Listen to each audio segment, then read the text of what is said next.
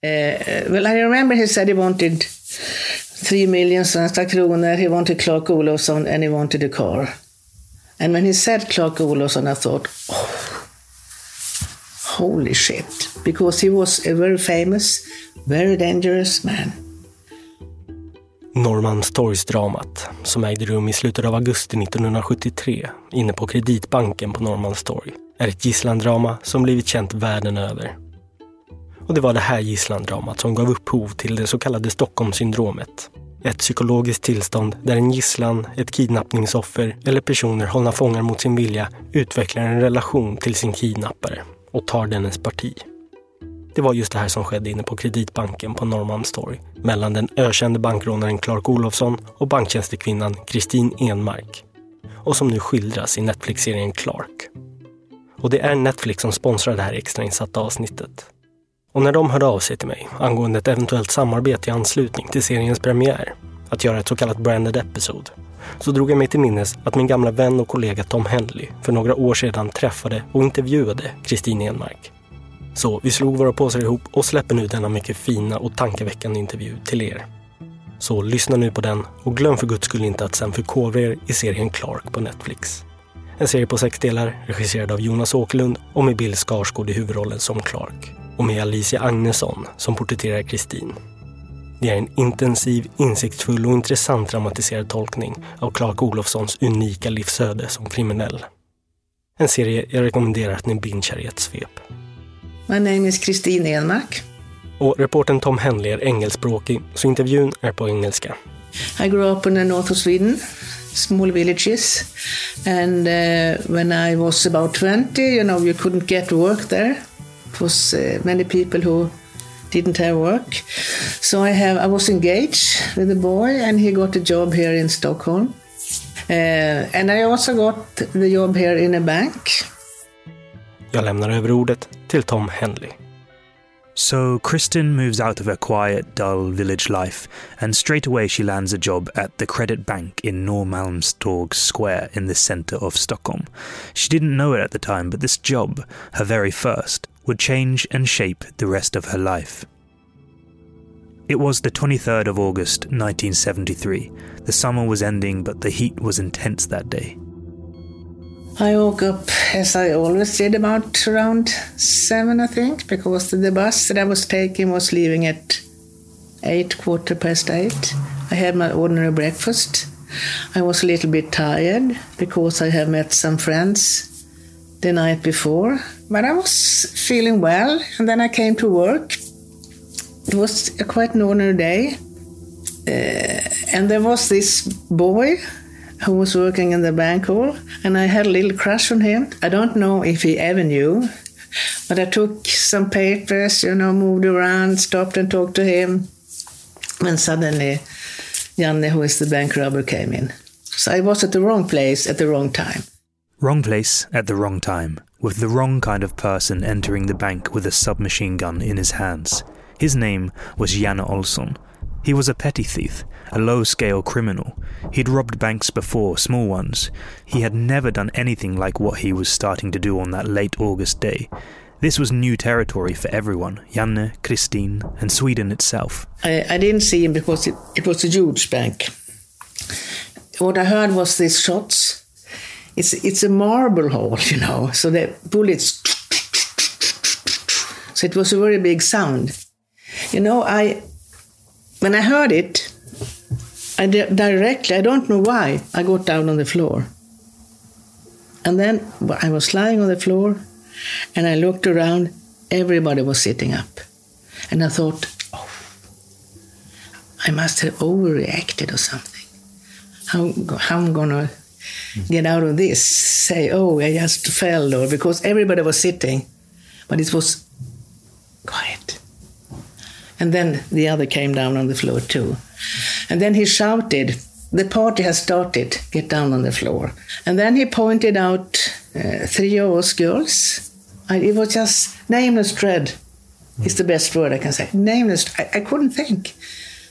I just did what he said. And then the police came. At this point, there were only two policemen who had been patrolling in the area. They were alerted by a silent alarm which had been triggered in the bank. The first cop arrived in another part of the hall, armed with a handgun, versus Janne and his submachine gun. It was a stair far away, and they they uh, they um, they said we are the police, and they pointed at him with this very small pistol, and then Janne shot, and he hurt a policeman in uh, very badly actually in the hand, uh, so he couldn't work as a policeman anymore. So now one policeman with a bullet hole in his hand was writhing on the floor, and Janne told the other one to sit on a chair and start singing a song, The Lonesome Cowboy.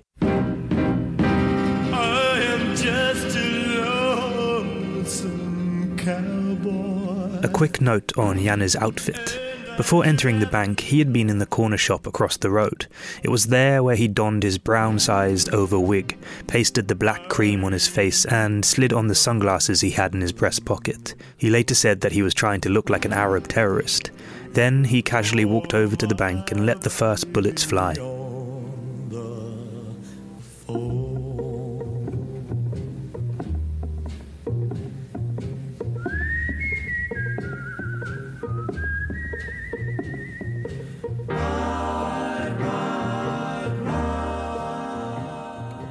Now that the police had been alerted, the robbery became a hostage standoff.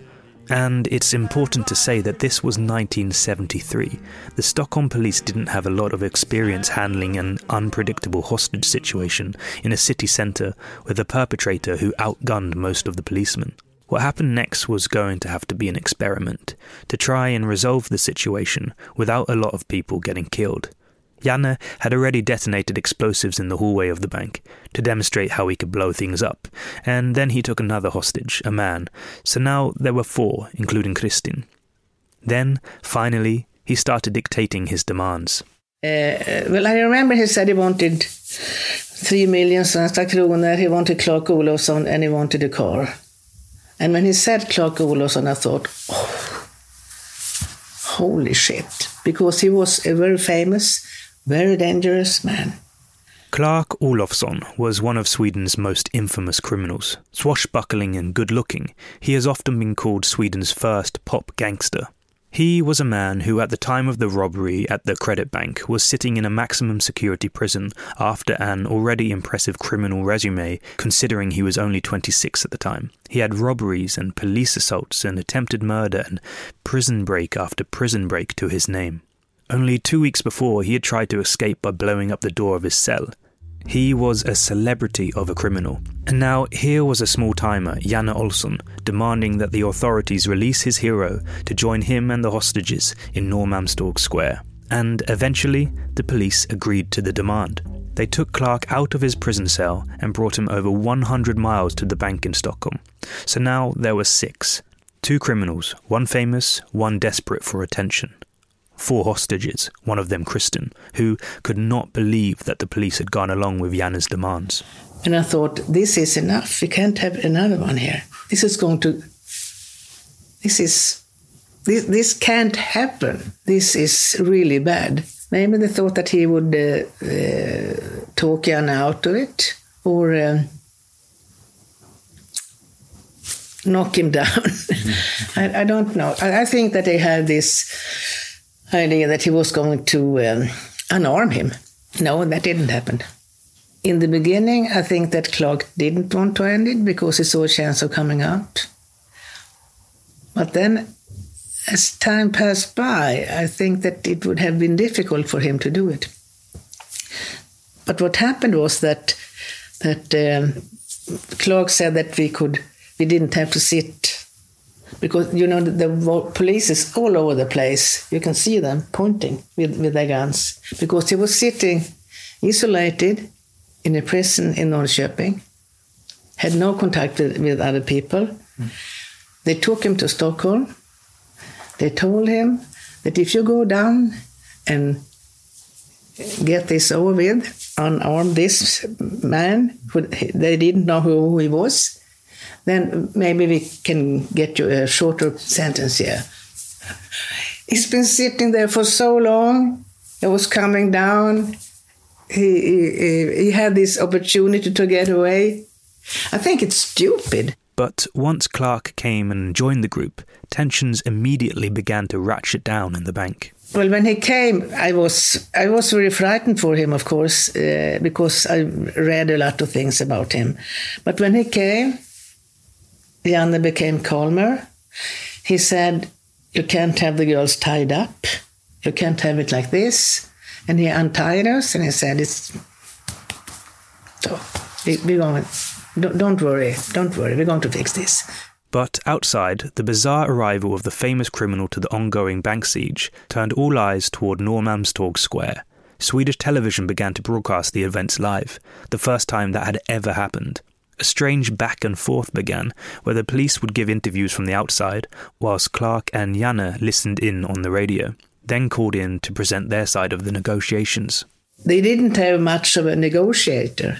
Clark was their negotiator, but, but, but he, he had his own plan. He wanted to get out. But it was the first time it happened in Sweden, but it was very unprofessional, of course. There was no template for how the hostage negotiations should be handled. They were making it up as they went along, and it was all happening a few weeks before the national elections. The hostage siege had become the most important story in the country, so Olof Palme, Sweden's prime minister, decided that he needed to be involved in negotiations and was put in phone contact with Janne. But the conversation went very badly. Janne told Palme that he was ready to start killing hostages before he hung up. But then, a day later, the prime minister received another call. This time, it came from Kristin Enmark herself. Someone said we I don't know who said we should call Palme, and I said, I do it. you know, when you're in that situation and you can't control things. Mm. So I think I took a chance to make an effort to to control. I didn't know how we got the, the number to the, to the where he was. He was at his work, and I called and and uh, said. Um, who I was and that I wanted to talk to Ola Palme. And she said, uh, Wait a minute, he's sleeping. Uh, can you wait? And I said, Yes. But we are we are uh, we are in a quite a bad situation here. And then he said, Oh, you, what should she say? And then he came. Jag sitter lite illa till här. Sitter ni illa till? För det vill jag. Ja, men det är helt... Om du tänker in i situationen. De har gått in... Obviously he, was, he has been sleeping.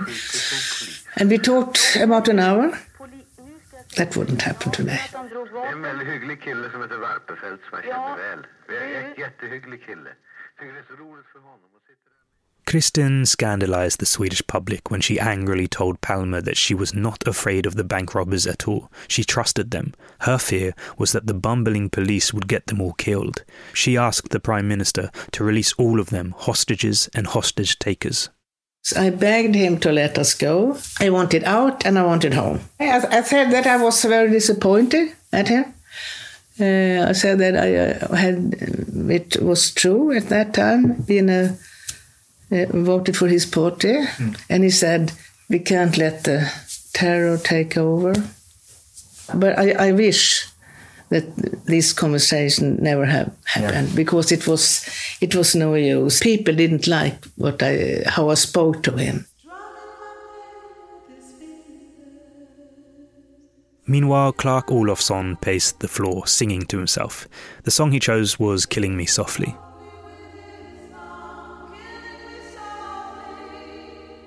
By this time, it was day three of the standoff. Clark wasn't stupid. He looked outside at the swarm of police who now massively outnumbered Janne and his machine gun.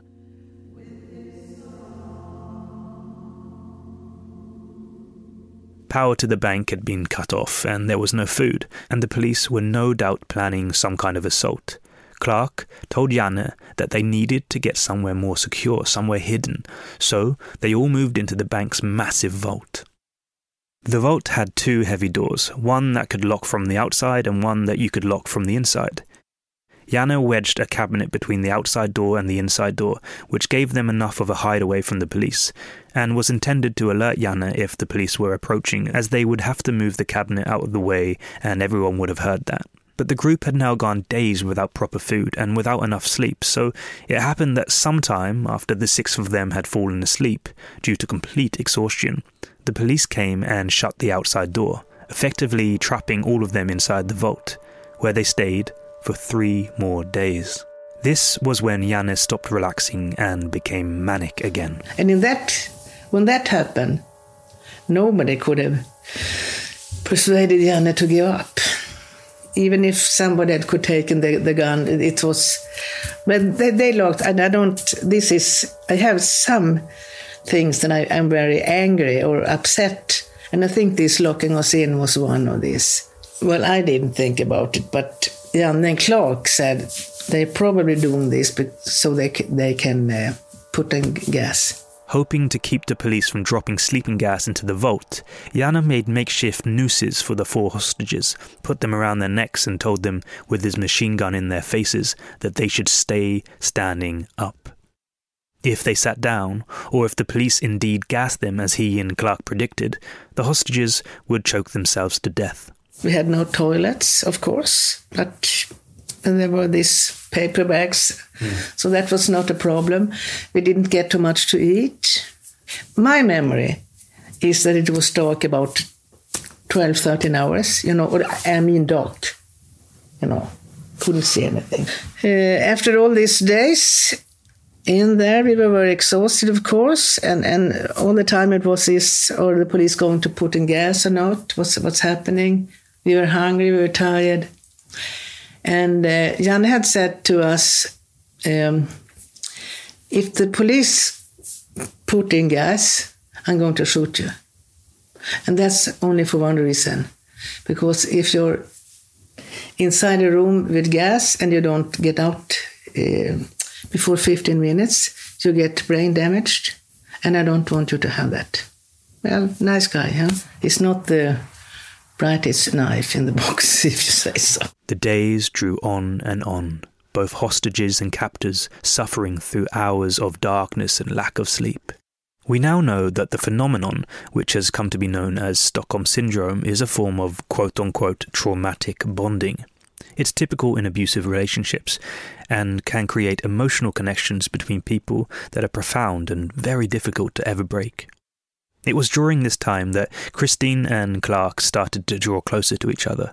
He persuaded Janne to let the hostages take breaks from standing upright in the nooses that hung from the vault ceiling. You know, Clark took me under his wings. He said that uh, you can sit here beside me when we had time to to uh, rest. He say you can lie here comfort you. I'm going to see that uh, nothing is going to happen to you. I, I choose to believe it. So in that, at that moment, maybe there was some hope. Six days had passed. Suddenly, in the middle of all the darkness, a thin beam of light appeared, and then gas canister after gas canister began to fall through a new hole in the roof, and Janne went into a panic. And when the gas came, I was getting hot. He said, Get up, girls. And I thought he was going to kill me. So I tried to hide behind this, you know, put myself in there, maybe the bullets will go that way. But then, then uh, he said I gave up. And then I got the, an extreme adrenaline kick when Janne had said, he's, he, I'm giving up. And when he shouted, I give up, I think we all shouted, he's giving up, he's giving up, he's giving up, you know. I was shouting, he's giving up, he's giving up. I wanted to, I wanted to take his gun and put it up. I told the police to shut up. I said, you're nuts. You have to wait. I didn't, I was crazy. And I was so angry. I was so angry. And then when they opened the door, two guys, um, no shirt, camouflage and camouflage sudden uh, um, guns that were cut off, that was taken from some robbery somewhere. It was so crazy. The gas was still filling up the room, but there was a disagreement over who should leave first. The police asked for the hostages, but even though Janne had all but given up, he still had one last demand. He wanted to leave first. He was afraid that he and Clark would be left behind in the vault and the police would have their revenge. If you go out first, they're going to kill us. The hostages agreed, and Clark and Janne left first. The group all embraced as the men left the vault. I, I don't like Janne at all, but they took him out and went in front of the journalist and the police, and everybody was, so paraded him. And then when, when we get out, got out, they were beating up Clark. So, and I said, he, he hasn't done anything. And you know, I was I was so angry. I was so angry for the whole situation, and I'm still is very. I can't understand how a government, a land, a police force can put in gas. Six people. You know what you do with rats? You put in gas. I think it's it's it's. I think it's a it's attempted murder. The last thing Christine said to Clark was, I will see you again. She was driven straight to the hospital where she was given bread and salami, a simple meal, but for her, it was the best meal of her life. I think I were in the hospital about for a week, and I think that was quite good uh, because I think I needed. And when I read, you know, I, I took out the journals from the hospital. Mm.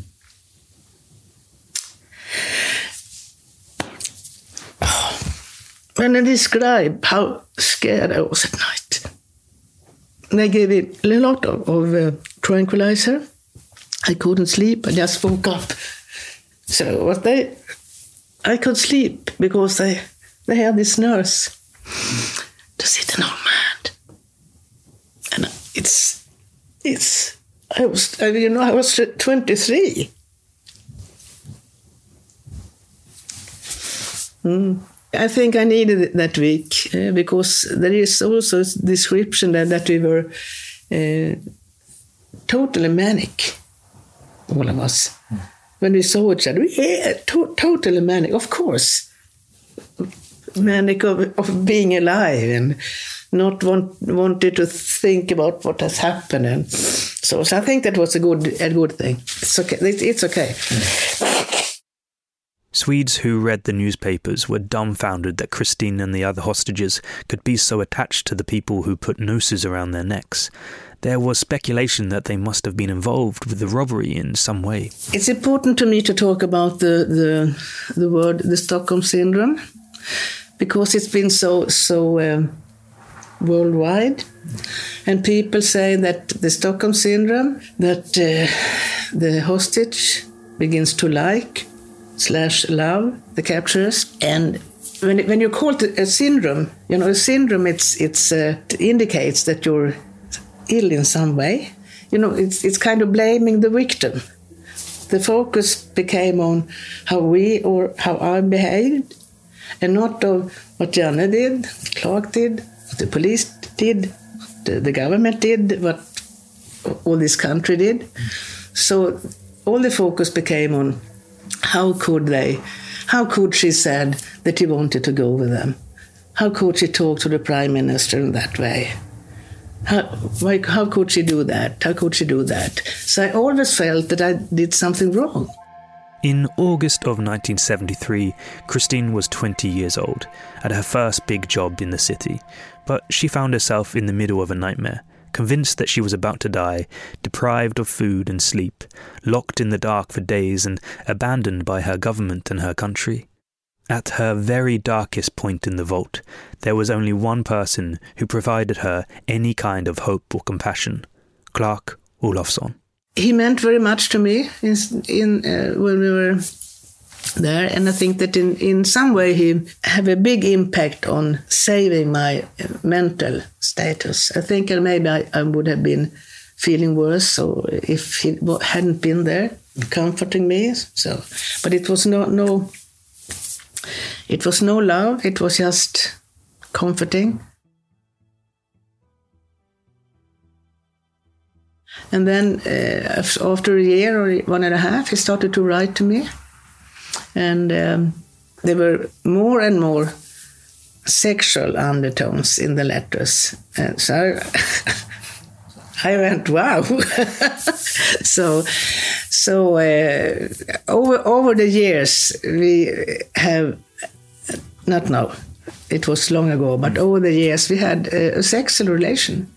We met sometimes, not very often. We were never a couple, and now we are.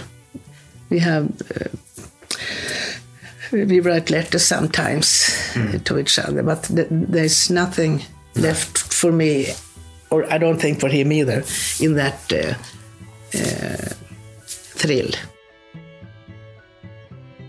It's an emotional connection that is profound and very difficult to ever break.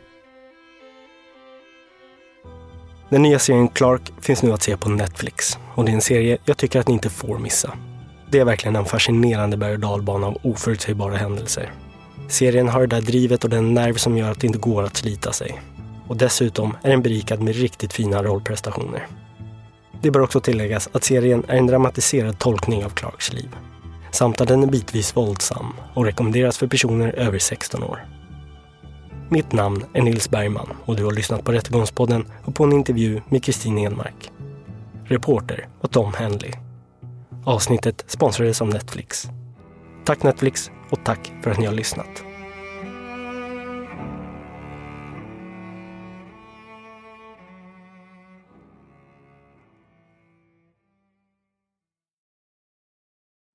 Rättegångspodden är en Tall Tale-produktion. Ansvarig utgivare är Jonas Häger. Och Rättegångspodden görs i samarbete med Lexbase. Ange rabattkoden Rättegångspodden när du blir ny betalande medlem på lexbase.se och få tre kostnadsfria domar.